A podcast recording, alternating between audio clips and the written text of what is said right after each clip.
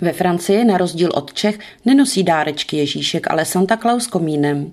Vypadá jak ten americký nasaních, vousatý s červeným kabátkem a čepicí. V Nán se však rozhodli pro modernější verzi. V Nánt už Vánoce nejsou Vánocemi, nejsou křesťanským svátkem. Starostka Rolandová, progresistka a bojovnice proti patriarchátu zaujala ideologickou pozici.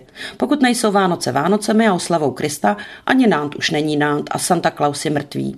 Takto a tak nějak podobně zareagovala některá média a komentátoři, kteří obvinili starostku z toho, že chce vymazat Vánoce, že nahradila Santa Clause maminkou Santa Clausovou, odstranila vánoční girlandy a pro dekoraci města zvolila pastelové barvy na místo těch klasických červené a zelené.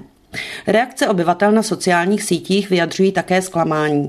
Kde je skutečná vánoční výzdoba, tohle je svátek světel? Nebo je to příjemné jako atmosféra Halloweenu, ale ne vánoční? Mé druhé Vánoce v Nánt trochu mě zaráží tyhle inspirace, letos žádná tradiční magie. Ve 21. století je duch Vánoc multikulturní, ponechává prostor všem vyznáním, věřícím i nevěřícím. Tyto magické okamžiky by měly všechny spojovat pod stejnou vlajkou kreativity, reagovala radnice na Twitteru.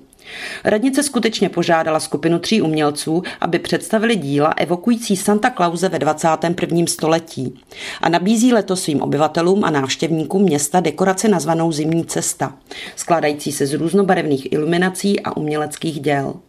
Pokládali jsme si otázku, jak bychom mohli vytvořit nové rituály pro obyvatele Nant, jak propagovat město očima umělců a zároveň navodit vánoční atmosféru během svátků na konci roku, vysvětluje Amelie Evrár, projektová manažerka.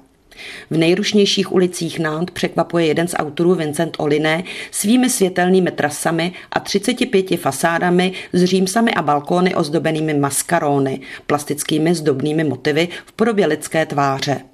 Pro někoho je to pohlcující zážitek, pro někoho smutné ulice s neznámými obličeji. Největší mediální poprask však vyvolala maminka Santa Clausová. Žena s rozpuštěnými šedivými vlasy v červené teplákové soupravě s vánočními ponožkami visí vysoko ve kruhu ve vzduchu jako na houpačce obklopená lucernami. Neutekla z kuchyně, kde obvykle peče cukroví, zatímco její manžel kontroluje seznam dárků. Podle umělkyně Virginie Baré je to skromná superhrdinka žena středního věku, která nám připomíná, že jsou to právě ženy, které na Vánoce často nejvíc potřebujeme. I přesto, že vánoční imaginaci nadále dominují jen mužské postavy, Santa Claus, soby a elfové.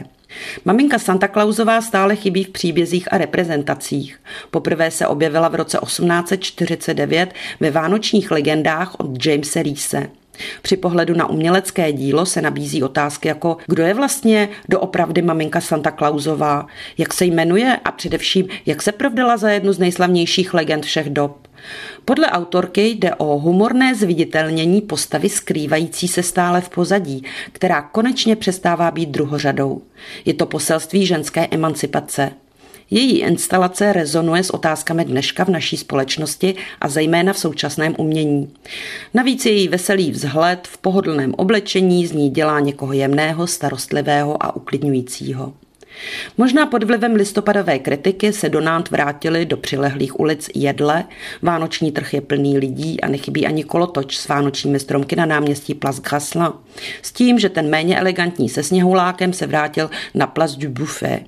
Po zimní cestě se může každý vydat až do 7. ledna příštího roku.